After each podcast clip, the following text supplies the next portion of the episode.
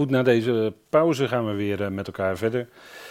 En we waren gebleven in Handelingen 15, vers 5. Daar kwamen sommigen uit de secte van de Fariseërs die geloofden.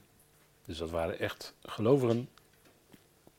Maar ze vonden toch dat degene uit de volkeren, uit de natieën, zich moesten laten besnijden.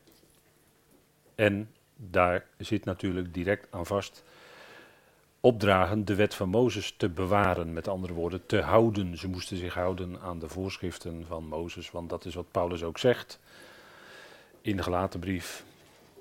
Als je je laat besnijden, dan ben je ook gehouden de hele wet te houden. Dat zit gewoon aan elkaar gekoppeld. Dat is nou in de wet was dat opgenomen.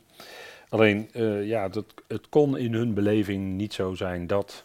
En ze waren nog, hun ogen waren nog niet geopend voor de volheid, of de, hoe moet ik het zeggen, het ware genadekarakter van de genade van God. Daar waren ze hun ogen nog niet voor geopend. En daarom zaten ze nog vast aan deze tradities. En dat is natuurlijk uh, tot op vandaag de dag. Alleen het wordt niet meer aan de natieën uh, opgelegd als zodanig. Hè. Er zijn wel, ja, je hebt een hele diversiteit. Er zijn wel messias beleidende Joodse groepen die ook vinden dat je moet laten besnijden. Maar ze gaan toch niet zo ver dat ze dan ook vinden dat mensen uit de, uit de volkeren, uit de Goyim, zich ook moeten laten besnijden. Dat, dat hoor je eigenlijk nauwelijks. En des te merkwaardiger is het dat mensen soms uh, die echt gelovigen zijn, dat die uh, zichzelf, uh, ja, hoe moet ik dat zeggen, vrijwillig of vinden dat ze zich moeten laten besnijden. Ja, dan draait toch wel de klok enorm terug. Want dat is toch al voorbij. Dat is al lang vervuld. Ook dat is vervuld. Hè? Dat beeld is ook al vervuld aan het kruis natuurlijk. Paulus noemt dat niet voor niks in uh, Colossense 2 de besnijdenis van Christus. Niet van Jezus, want dat is ook gebeurd, maar de besnijdenis van Christus. Blijf even.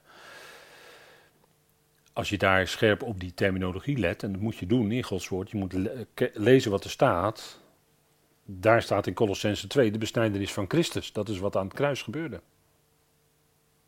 Dat was zijn doop ook, hè? Zijn dood was ook zijn doop. Dus dat is ook vervuld aan het kruis. dat is allemaal daar vervuld. En nadien, als je een gelovige bent, ja, dan, dan is er uh, niets meer wat in die zin je nog zou moeten doen. Want alles is al gebeurd, alles is al vervuld. Alle typen en beelden waar het van sprak, hè, want Kijk, het merkwaardige was dat juist datgene wat laat zien dat uh, hè, wet, bij de besnijdenis wordt een klein stukje van het vlees afgesneden. En dat is eigenlijk een uitbeelding van het feit dat dat vlees van de mens, dat, dat kan het niet. Dat, is, uh, dat staat ook, hè? dat is zwak. De geest is wel gewillig, staat er dan. Ja, ik citeer even vertaling. Staat er iets anders, maar de geest is wel gewillig, maar het vlees is zwak. Het vlees is gewoon niet in staat om de, zich te houden aan de voorschriften van God. Dat liet eigenlijk die besnijdenis zien. Op het moment dat Abraham naar de mens gesproken, Genesis 17, niet meer in staat was om zelf nog nakomelingen voor te brengen. Was al voorbij de verwachting eigenlijk. Hè? Voorbij wat hij nog kon verwachten in wezen. Onthulde God zich als Al Shaddai, als de algenoegzame, hè, als degene die werkelijk het vermogen heeft om, Al Shaddai. En op, dat is Genesis 17, hè, vers 1, de God van de heerlijkheid. En toen moest Abraham en zijn huis zich laten besnijden. Als teken van Abraham, jij kan het zelf niet, nee, nu zul je volledig op God moeten vertrouwen. Volledig alles. En toen was hij in feite, hij was in feite al voorbij de verwachting, maar toch, zegt Paulus dan in Romeinen 4, heeft hij op verwachting geloofd dat God bij machten was dat wat hij beloofd heeft ook te doen. Ja, zeker. En dat is wat, zo op die manier geloven wij ook. God heeft beloften gegeven, ook aan ons, maar dat zijn de beloften in Christus Jezus, hè, hebben we in de Efezebrief geleerd. Of leren we in de Efezebrief. Maar die belofte in Christus Jezus zal God ook vervullen. Dat zien wij nu nog niet, maar het gaat wel komen. Dat is wat wij verwachten. Dat is onze heerlijke verwachting. Wij hebben zelfs een, voorverwachting. Paulus gebruikt dan een heel mooi woord in Efeze 1, vers 12. Wij hebben een voorverwachting in de Christus. Prachtig.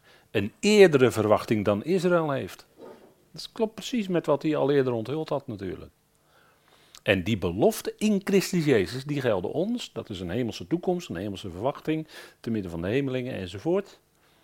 En die gaat God ook allemaal vervullen. Maar ook in Abrahams leven, Abraham en Sari konden naar de mens gesproken geen kinderen meer krijgen. En toen gaf God het als het ware leven uit de doden, want dat was het in feite. En kwam toch Isaac.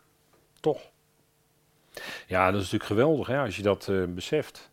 Kijk, en die besnijdenis, dat, beelde, dat toonde eigenlijk, de mens vanuit zijn vlees kan het niet. Dat vlees wordt dus afgesneden. En dat is op Golgotha gebeurd, definitief. Dat is het definitieve. En dat is wat wij als mens ook zouden erkennen. Niet alleen kennis van nemen, maar ook erkennen. Dat is meer. Bewust worden dat niets kan je als mens zelf produceren, wat voor God wel geval is. Helemaal niets. Vanuit je vlees ben je er absoluut niet toe in staat. En wat zegt nou dat, dat, dat vlees in de mens, dat wil toch nog altijd een beetje om de hoek komen kijken van, ik kan toch nog iets doen voor God. Dat is dat religieuze in de mens. En daar zeggen we wel eens van tegen elkaar, dat is vroom, dat is gewoon vlees, maar dat is vroom vlees dan. Dat, dat, dat hult zich soms in een heel mooi vroom uiterlijk, hè? Maar toch is het vlees. En, en doordat je steeds meer Gods woord leert kennen, ga je als gelovige steeds meer ook, krijg je dat, dat geestelijke inzicht. Dat is stapsgewijs, dat heb je niet van een op de andere dag, maar dat is een groeiproces. En krijg je dat geestelijke inzicht, dat je daar zo doorheen prikt. En dat is de evangelie scherpt je op. En daarom is het ook goed om steeds weer uh, dat tot je te nemen, te lezen, te herlezen, die brieven van Paulus. Ja, dat blijft natuurlijk geweldig. De apostelen en de oudste echter, vers 6, werden verzameld om deze zaak te bekijken. Dus het eerste apostelconvent vond plaats.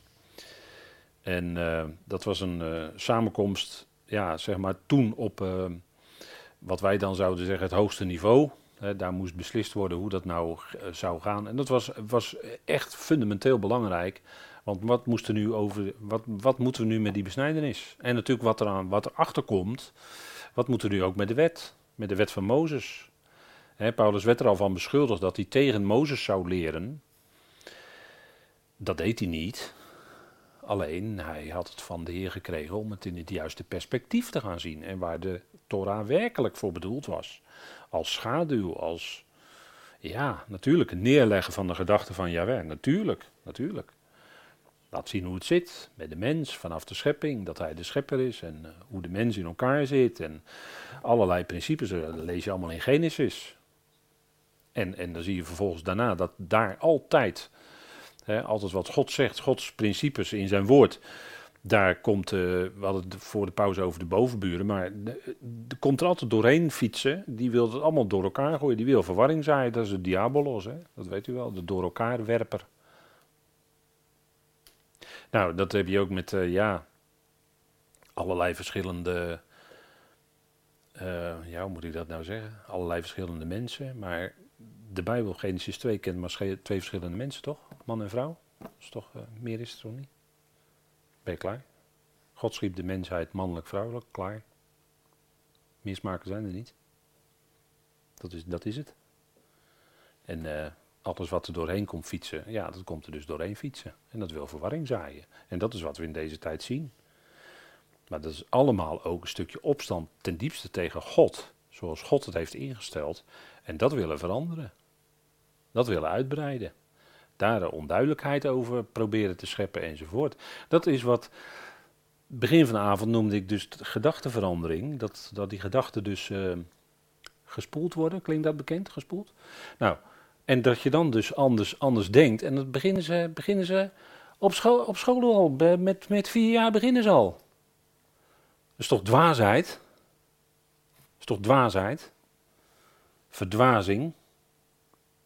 Terwijl als je er vanuit de Bijbel gewoon, ja, kan je gewoon verhalen aan je kinderen vertellen. En Ja, God, God schiep de mens, mannelijk, vrouwelijk, Adam en Eva, dat zit, klaar, meer smaken zijn er niet. En die gingen zich vermenigvuldigen. Dat is het. En, en de rest is allemaal afwijking van. Altijd als je, als je God niet langer erkent als God, hè, zegt Paulus in Romeinen 1, wat krijg je dan? Nou, dan geeft God over aan. En dat, dan zie je dat in, in gedrag, wat, wat afwijkt van het gedrag wat God ingesteld heeft in Genesis 2. Laat ik het zo maar zeggen. Dat krijg je dan. Dan ga je afwijken van de norm. Dat kan je niet doen. Dat is afwijken van de wetmatigheden van God. Dat kan je niet doen, dan krijg je problemen. Psychisch of op ander vlak of wat dan ook. Maar je krijgt problemen. Dat is, dat is dus gewoon omdat er een afwijking, daar zit een afwijking in, een lijntje naar God toe. Dat is het verhaal hoor. En, en dat is toch altijd waar je uitkomt.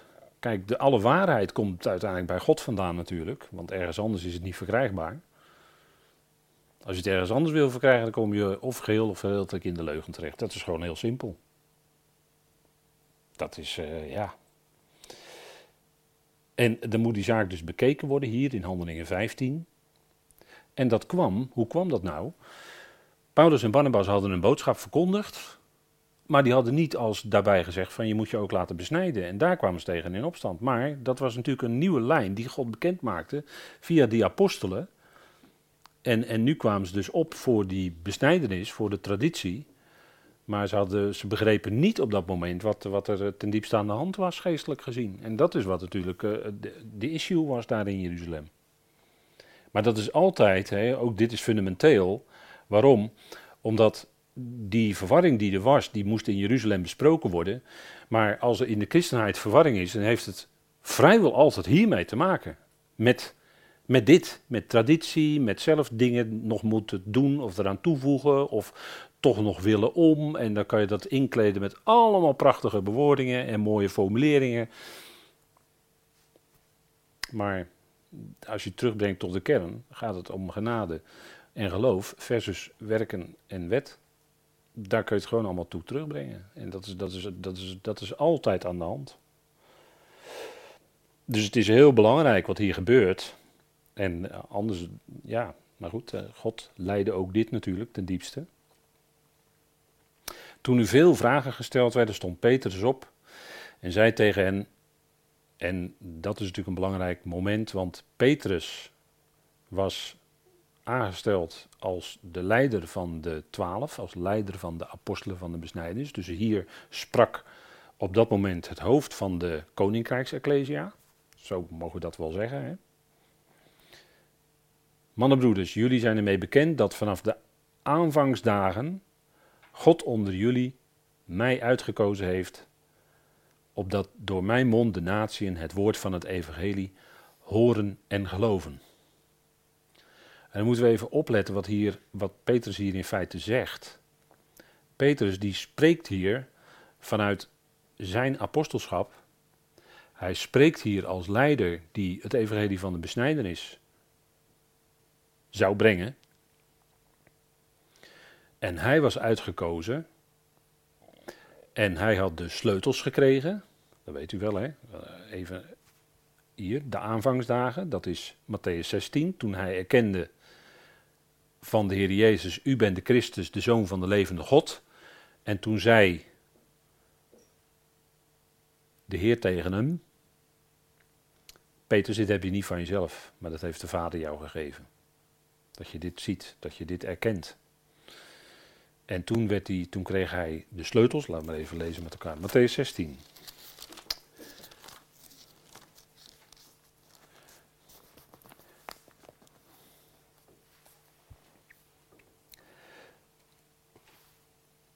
En dan lezen we even vanaf vers 13. Eh, toen Jezus gekomen was in het gebied van Caesarea Philippi, vroeg hij aan zijn discipelen: Wie zeggen de mensen dat ik de zoon des mensen ben? Zij zeiden, sommigen zeggen Johannes de Doper en anderen Elia. En weer anderen Jeremia of een van de profeten. En zulke verwarring is het nog tot op vandaag de dag. Hè? Dat ze niet werkelijk weten wie hij is. En hij zei tegen hen, maar jullie, wie zeggen jullie dat ik ben? Simon Petrus antwoordde en zei, u bent de Christus, de Zoon van de levende God. En Jezus antwoordde en zei tot hem: Gelukkig ben je, Simon Barjona, want vlees en bloed hebben je dat niet geopenbaard, maar mijn Vader die in de hemelen is. En ik zeg je dat je ook Petrus bent, en op deze Petra zal ik mijn gemeente bouwen, en de poorten van de Hades of van het onwaarneembare zullen haar niet overweldigen. Ik zal je de sleutels van het koninkrijk der hemelen geven, en wat je bindt op aarde zal in de hemelen gebonden zijn, en wat je onbindt op aarde zal in de hemelen gebonden, onbonden zijn. Toen verbood hij zijn discipelen dat ze tegen iemand zouden zeggen dat hij Jezus de Christus was. Er was een geweldige openbaring die Petrus bekend maakte, die hij kreeg van de Vader. En de Heer zei, merkwaardig genoeg, in dat twintigste vers, mondje dicht. Het moest verborgen blijven. Hij werd als koning verworpen. En de tijd van de verborgenheid, om het zo maar te zeggen, zou gaan aanbreken. Dus hij zei mondje dicht. Het mocht niet bekend worden, want het was niet. Het keerpunt was er al. Zijn evangelie van het koninkrijk was verworpen en de koning werd ook verworpen. de, op de, op de, in die fase zijn we nu. Vandaar dat de Heer zei: mondje dicht. Ze mochten niet bekendmaken dat hij de Messias is. Merkwaardig, hè? dat zou je niet denken. Maar de Heer heeft dat gezegd hè, toen. En hij zei ook tegen Petrus: Jij krijgt de sleutels van het koninkrijk der hemelen. Dat was het koninkrijk, dat is de uitdrukking die alleen in Matthäus gebruikt wordt. Maar dat is het koninkrijk zoals het door Daniel was aangekondigd. Dat de God van de hemel een koninkrijk zou oprichten. En dat zou aan het volk van de Allerhoogste gegeven worden, dat is Israël. En het zal niet meer vergaan. Hè. Die ene steen die zou losgemaakt worden zonder handen. Hè. Daniel 2 weet wel, die bekende. En dat zou heel dat, beest, dat beeld zou dat verpulveren. Dat heel dat beeld waar Nebuchadnezzar van droomde. En toen werd het koninkrijk door God, door de God van de hemel, aangekondigd. En vandaar dat Matthäus dan de uitdrukking gebruikt. Het koninkrijk der hemelen. Dat wil zeggen dat het uit de hemelen komt op aarde. Dat betekent de uitdrukking. Hè? Dat, het, komt, het is een genitief. En dat wil zeggen, het wijst op de oorsprong. Het komt dus uit de hemelen, vandaar het koninkrijk der hemelen. Maar het komt op de aarde. Dat is ook al veel misverstand binnen mens, bij mensen vanuit traditie. Dat ze denken dat het koninkrijk der hemelen de hemel is. Maar dat is het niet. de hemelen, daar, daaruit komt dat koninkrijk. Want die Messias zal uit de hemelen komen en zijn voeten zetten op de Olijfberg. En dan gaat het allemaal beginnen. Eerst moet de koning er zijn. Maar hij zegt tegen Petrus: Jij krijgt de sleutels. En wat jij bindt, Petrus, hè, dus jouw uitspraken zijn bindend. Voor op aarde en in, in de hemel. Dan geldt het overal. Zegt de Heer in feite tegen hem. Dus die functie, die belangrijke functie, kreeg Petrus. Hè? En die Ecclesia, van vers 18, dat is natuurlijk de Ecclesia die het koninkrijk zou ingaan. Waarvan wij zeggen, dat is de koninkrijks-Ecclesia. Hier wordt niet het lichaam van Christus bedoeld. Ook veel verwarring over, hè, want mensen denken altijd dat hier de gemeente nu mee bedoeld wordt, hè, in vers 18. Maar mijn gemeente daar is die koninkrijks-Ecclesia. Je kan ook niet aan iets anders denken op dat moment dat de Heer dat zegt. Dat is, dat is de lijn van, van Israël, van, van op aarde. En de poorten van het onwaarneembare zullen haar niet overweldigen. Dus die Ecclesia die wordt zeker gesteld, die gaat het koninkrijk in. Dus die belangrijke functie, daar doelt Petrus op. Vanaf de aanvangsdagen had God hem aangesteld. Dat God onder jullie mij uitgekozen heeft, zegt hij opdat door mijn mond de natie een woord van het evangelie hoorden en geloven. En toch gebeurde het dat nota bene Petrus zijn heer verlogende. En hij, hij zat bij dat uh, vuur, op die binnenplaats, en zelfs uh, hè, drie keer logende hij zijn heer, nota bene Petrus. En dan is het genade van de Heer dat Petrus hem in de, in de opstanding dat Petrus in de opstanding, dat hem drie keer gevraagd wordt, Petrus, Petrus, heb je mij lief? En dat Petrus dan tot drie keer aangeeft ja heer, u weet het. En dan gaat hij alsnog, toch, toch blijft hij in functie. Toch krijgt hij die functie als sleuteldrager. En dan zouden wij zeggen, nou hoe is het mogelijk hè? Nou dat is nou genade. Dat is nou de vergeving, de genade van God. Dat hij toch Notabene de leider van de apostelen van de besnijdenis. Moet je nagaan. Maar laten wij maar niet te hard met ons vingertje gaan wijzen. want we beseffen toch allemaal, we leven toch allemaal van genade. Hallo zeg. We kunnen natuurlijk makkelijk met ons vingertje gaan wijzen naar een Judas of naar een Petrus. Nou, ik denk als je de genade wat beter hebt leren kennen, wat het werkelijk betekent. En je, je, bent, je hebt ook gaan leren kennen wie jij werkelijk bent in jouzelf in het licht van het evangelie.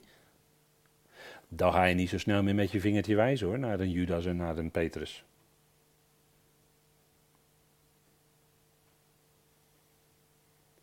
En als je het evangelie eh, leert kennen, dan weet je ook hoe God het allemaal gaat doen met die mensen.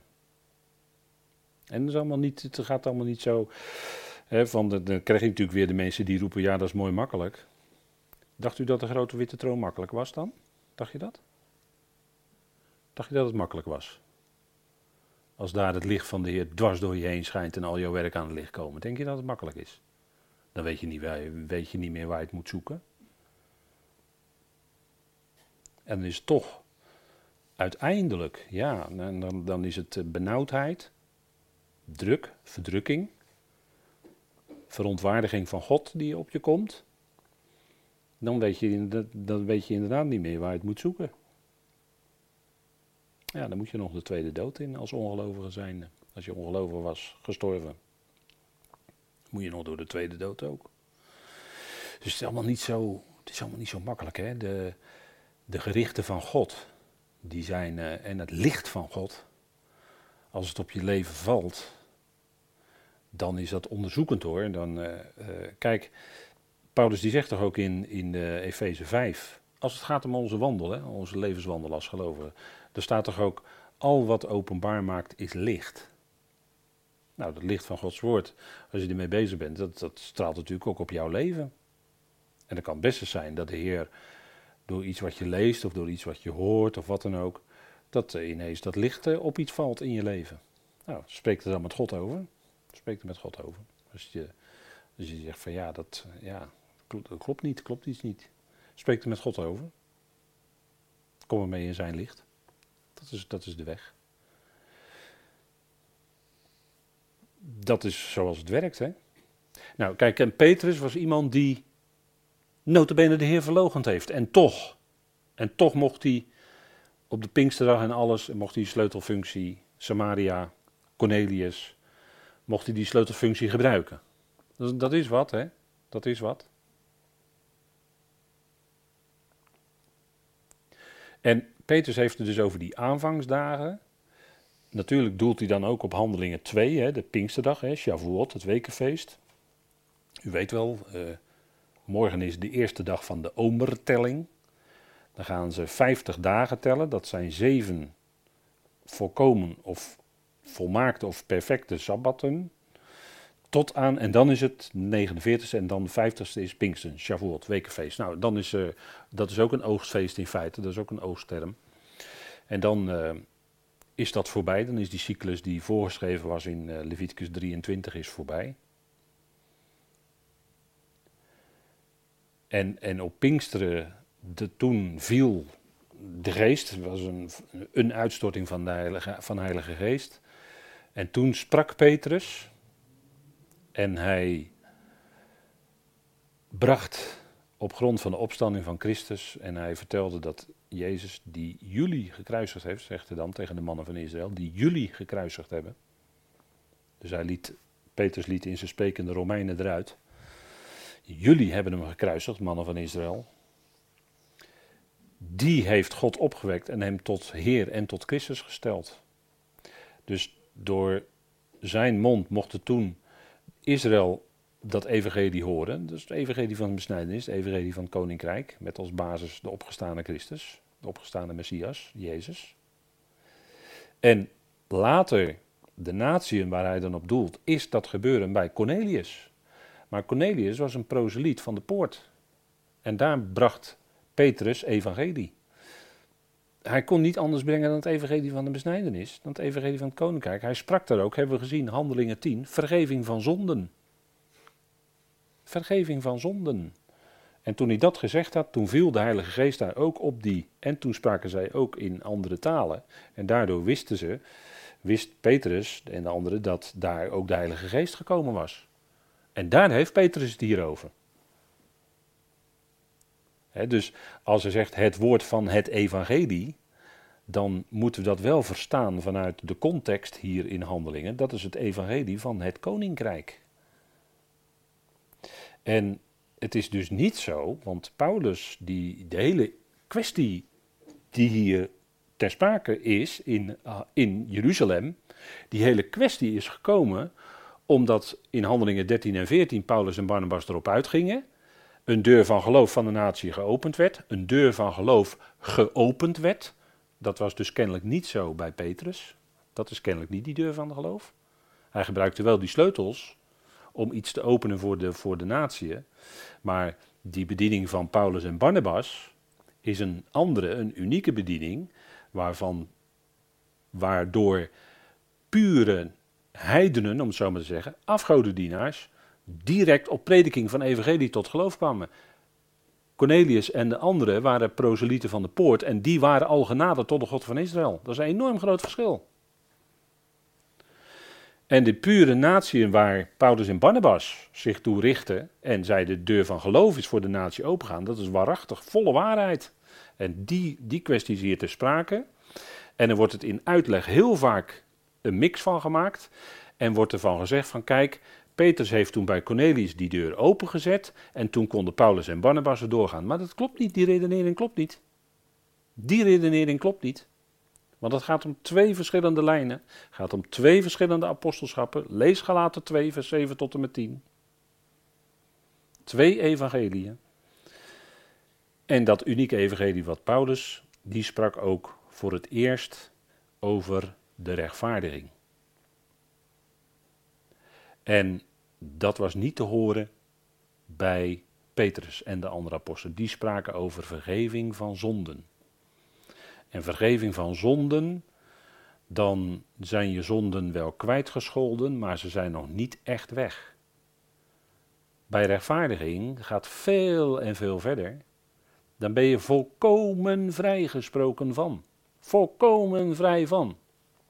Het is om niet. Dat is iets heel anders dan het laten gaan. Hè? Want het woord voor vergeven is het laten gaan. Hè? Het vanaf laten, letterlijk, is het Griekse woord voor vergeving. Dan laten ze nog gaan, maar het is nog niet weg. En dat maakte de Heer ook duidelijk in, in Matthäus 18, in die gelijkenis. Van degene die 10.000 pond of wat was het, talenten of iets schuldig was. Moet u maar eens nalezen, dat, dat vertelde hij over zijn eigen volk Israël. Wat zou gaan gebeuren? In handelingen notabene. Dat was profetisch. Dat is een enorm groot verschil. En vandaar dat als Paulus dan zegt, Paulus en Barnabas dan zeggen dat er een deur van de geloof open is gegaan, is dat niet op grond van dat Petrus eerder bij Cornelius was, want dat was een proseliet, die was al genaderd tot de God van Israël. Nee, bij Paulus ging het om verkondiging zonder bemiddeling van de apostelen van de besnijdenis, zonder bemiddeling van het volk Israël, wat eerst eigenlijk volledig tot bekering moest komen, dat was eigenlijk de lijn. En dan zouden de volkeren wel volgen. Nee, hier ontstond dus iets nieuws. En dat is het punt. En dat heeft alles te maken met genade, met rechtvaardiging. Met geloof alleen. En dat is, dat is een verschillende lijn. En dat kun je dus niet zeggen. Uh, eerst Petrus en toen kon Paulus ook door die deur heen lopen. Nee, dat is niet waar. Dat is niet waar. Dat is een redenering, maar dat is gewoon niet waar. Dat, is ook, dat kun je ook nergens terugvinden op die manier.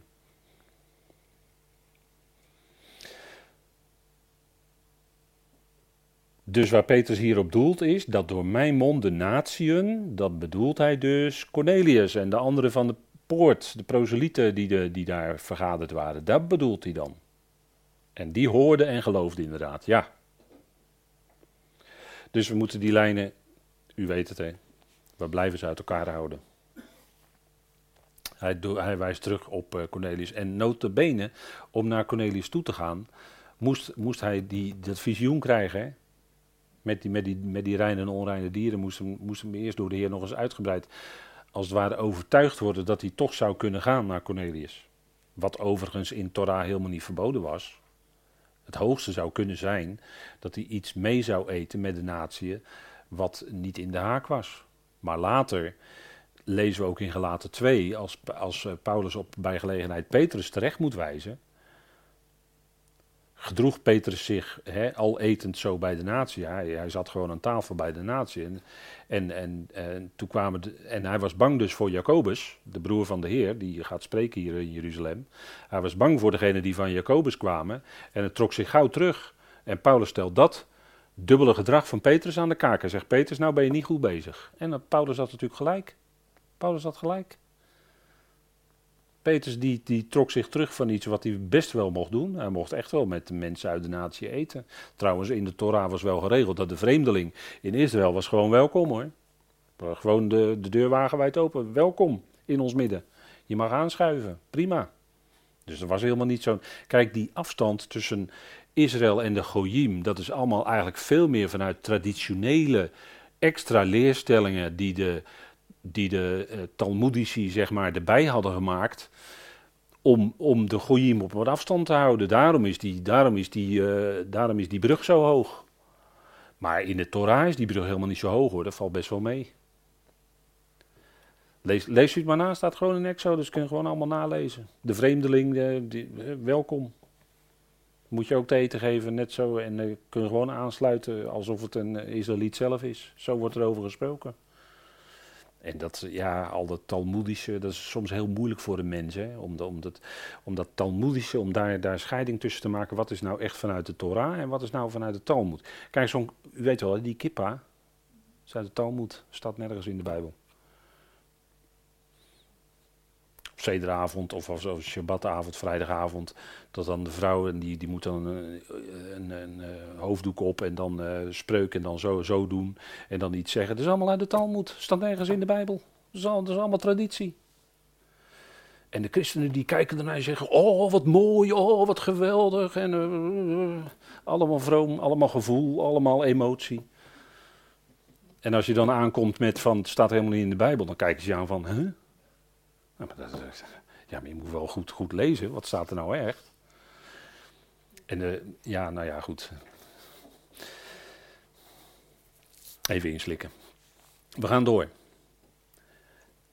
En dan zegt Petrus, want die spreekt hier goede woorden, echt in Handelingen 15. Die, die, eh, die heeft natuurlijk al eerder gesproken met de andere apostelen.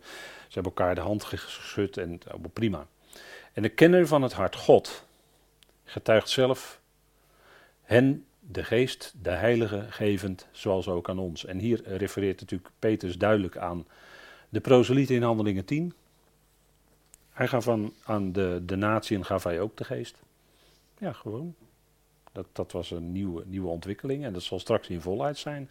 Als uh, naar Joël uh, God zijn geest gaat uitstorten op alle vlees. Dat begint in Israël, hè, vanuit, vanuit Israël, zo spreekt Joël erover. En dan gaat het ook uh, zich uitbreiden. Zo gaat het allemaal. Straks geweldig. God, de kenner van het hart. God kent je hart.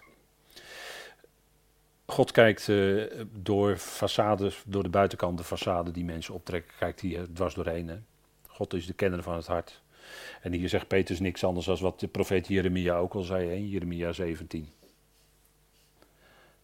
Dan stelt Jeremia de retorische vraag: wie, wie kan het hart kennen van de mens? Nou, jawel, natuurlijk, het kennen van het hart. Ja, wij weten wat in een mensenhart is. De Heer keek ook dwars door die buitenkant heen van mensen. De Heer weet wat in het hart is.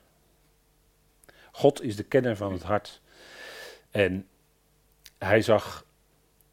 Je kan er natuurlijk een heleboel dingen van zeggen, maar hij zag op dat moment, om het zo maar te zeggen, geloof. Daar was geloof bij Cornelius en de aanwezigen daar. Zij geloofden wat zij hoorden. En God gaf in zijn genade de geest. Hij gaf zijn geest aan hen. Heilige Geest, iets bijzonders, bijzondere toedeling van. Waarmee wij zelfs als gelovigen van het lichaam van Christus verzegeld zijn. Dat wordt nooit bij Israël gezegd in handelingen. Daar kwam de geest alleen op de mensen. Maar je leest nergens in handelingen dat ze ook verzegeld werden met de geest. Dat is wel een verschil hoor. Moet je ook opletten. Ieder lid van het lichaam van Christus is wel verzegeld, dat is een mooi beeld, verzegeld met de geest. En dat is een zekerheidsstelling natuurlijk. Hè? Dat is een zekerheid dat op de dag van de vrijkoping. Dat is ook het beslissende moment. Dan gaat het blijken. Dan gaat het blijken wie er allemaal verzegeld zijn en wie niet. Dat is ook zo. Hè, wie, we, we, houden het hè, altijd positief natuurlijk, dan blijkt wie wel verzegeld zijn. Ja, en de, dan is erbij gelijk, ja, ook, blijkt ook wie niet verzegeld zijn. Dat natuurlijk ook. En al die verzegelden gaan met de bazuin mee de Heer tegemoet. En dan zal de Heer ook nog 144.000 van Israël verzegelen aan hun, aan hun voorhoofd. En dat is in tegenstelling in openbaring natuurlijk tot degene die het merkteken van het beest ontvangen aan hun voorhoofd of op hun rechterhand. Wat dat dan ook maar mogen zijn, want dat weten we niet. Maar in ieder geval zal men een merkteken aannemen. En op grond van het ontvangen van het merkteken, dat is maar waarschijnlijk relatief een hele korte periode in de geschiedenis. Maar eh, dan zal op basis van het ontvangen van het merkteken van het beest, dat houdt ook samen met de aanbidding, het beest aanbidden, zal men dat merkteken krijgen. En dan kan men ook kopen en verkopen. En als je het niet hebt, dan niet. Dan kan je dus niet kopen en verkopen. Maar dat is maar een beperkte periode die in openbaring eh, beschreven staat. Hè? Maar het is heel fijn om te beseffen dat wij als leden van het lichaam van Christus verzegeld zijn met de geest van de belofte, de heilige, zoals het in Efeze staat. En dat is natuurlijk een zekerheid. Dat is niet wat wij zelf, dat is ook een stuk genade, zou je kunnen zeggen. En God kent je hart. God werkt in ons hart en hij kijkt dwars door de buitenkant heen.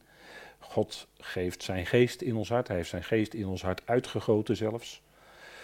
En daarmee ook zijn liefde. En dat is ook een kenmerk van Heilige Geest, hè, dat er waarachtige liefde is, liefde van God, agape. Dat, dat hangt natuurlijk, eh, dat is één op één. Hè. De vrucht van de geest is liefde. En die acht andere facetten, die zitten daar eigenlijk bij inbegrepen, zou je kunnen zeggen. Paulus waait dat dan nog verder uit met acht extra begrippen, maar in feite zit dat allemaal vervat in de agape, in de liefde van God, die in ons hart is gekomen. Dat is natuurlijk geweldig. En Peter stelt vast, de Heilige Geest kwam daar op, die werd gegeven aan de mensen uit de natie. En hij onderscheidt in niets, zegt Peters dan, tussen zowel ons als hen, hun harten reinigend door het geloof, zeggen we meestal in de vertalingen, maar dat woordje door staat er niet letterlijk, dus ik ben een beetje voorzichtig. Er staat hier een derde naamval. Dus je zou ook mogen vertalen in het geloof, maar goed, geef ik u maar mee ter overweging.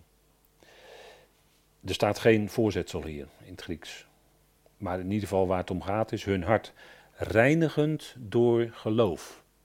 dus het hart wordt gereinigd door de geest, door geloof dat is uh, wat een werk wat God doet in je. Hè? En dan word je gezuiverd in je hart van verkeerde gedachten, van verkeerd denken, over God allereerst. En over zijn zoon. En je gaat zien hoe het zit. Dus je, ja, het is dan goed dat de bezem er doorheen gaat, zeg maar. Hè? Reinigen is. Uh, dat moest, eh, dat moet, ja, ik, ik, ben een beetje bepaald bij deze dagen, omdat ik me daar wat meer mee bezig heb gehouden. Um, kijk, naar Pesach toe moesten de Joodse mensen moeten hun, hun huis natuurlijk schoonmaken. Zuurdezen moet eruit, moet weg. Het is, het, feest van de, het is nu het feest van de ongezuurde, hè, de matzot. De ongezuurde, en dat is in beeld decem, zuurdecem, als de Heer Jezus beluistert, wat de Heer Jezus ervan zegt, en Paulus ook, dan heeft dat in de Bijbel meestal niet zo'n positieve klank. Zuurdesem. een klein beetje zuurdesem, zit weer in de gelaten brief. Een klein beetje zuurdesem doorzuurt het hele deeg. Dat weten we uit het dagelijks leven. Maar een klein beetje proberen toch werken in te voeren. Een klein beetje proberen toch wet, wet of regeltje in te voeren. Dat doorzuurt het, dan is gelijk, wordt allemaal doorzuurd. Dat is werking van decem, zuurdecem. En eh, dat is, dat is Paulus natuurlijk. Paulus gebruikt dat beeld in gelaten 5. En het is ook een beeld van uh, verkeerde leer. Hè. Wacht u voor de zuurdecem, de decem van uh, de fariseeën en schriftgeleerden, zegt hij. De is dat ook. Weet u dat, kijk, je, je vanuit jezelf proberen uh, aan allerlei dingen te voldoen, of, aan alle, of aan de wet te voldoen, of aan allerlei opgelegde regels die, die eh, ja, wat, onte, wat gewoon onterecht is, daar, daar proberen te voldoen, weet, weet je wat je dan heel snel krijgt? Huigelarij, dat is, dat is het teken dat zuurdesem is. Huigelarij krijg je dan. Want uh, kijk, als de regels gesteld worden, je kan er één keer even, heel even net niet aan voldoen. Heel klein dingetje maar. Bij de wet was het zo, dan ben je schuldig aan de hele wet, hè dat is, dat is dan zuurdesem. En dan, en dan gaan mensen dus, uh, weet je wel, ja, ik voldoe eraan. En uh, ja, kijk. Uh, ik, luister, ik hoorde, van de week hoorde ik een interview van 25 minuten met een hele bekende Joodse schrijver, columnist. Schrijft, naar mijn mening, goede columns. Maar die gelooft niet. Maar die zei wel, ja, wij, wij vieren, vierden altijd wel Pesach. Wij, dat is al een geweldige avond. En uh, ja, het is gewoon uh, gezellig bij elkaar zitten. Maar of je nou aan al die regels voldoet, boeit helemaal niet.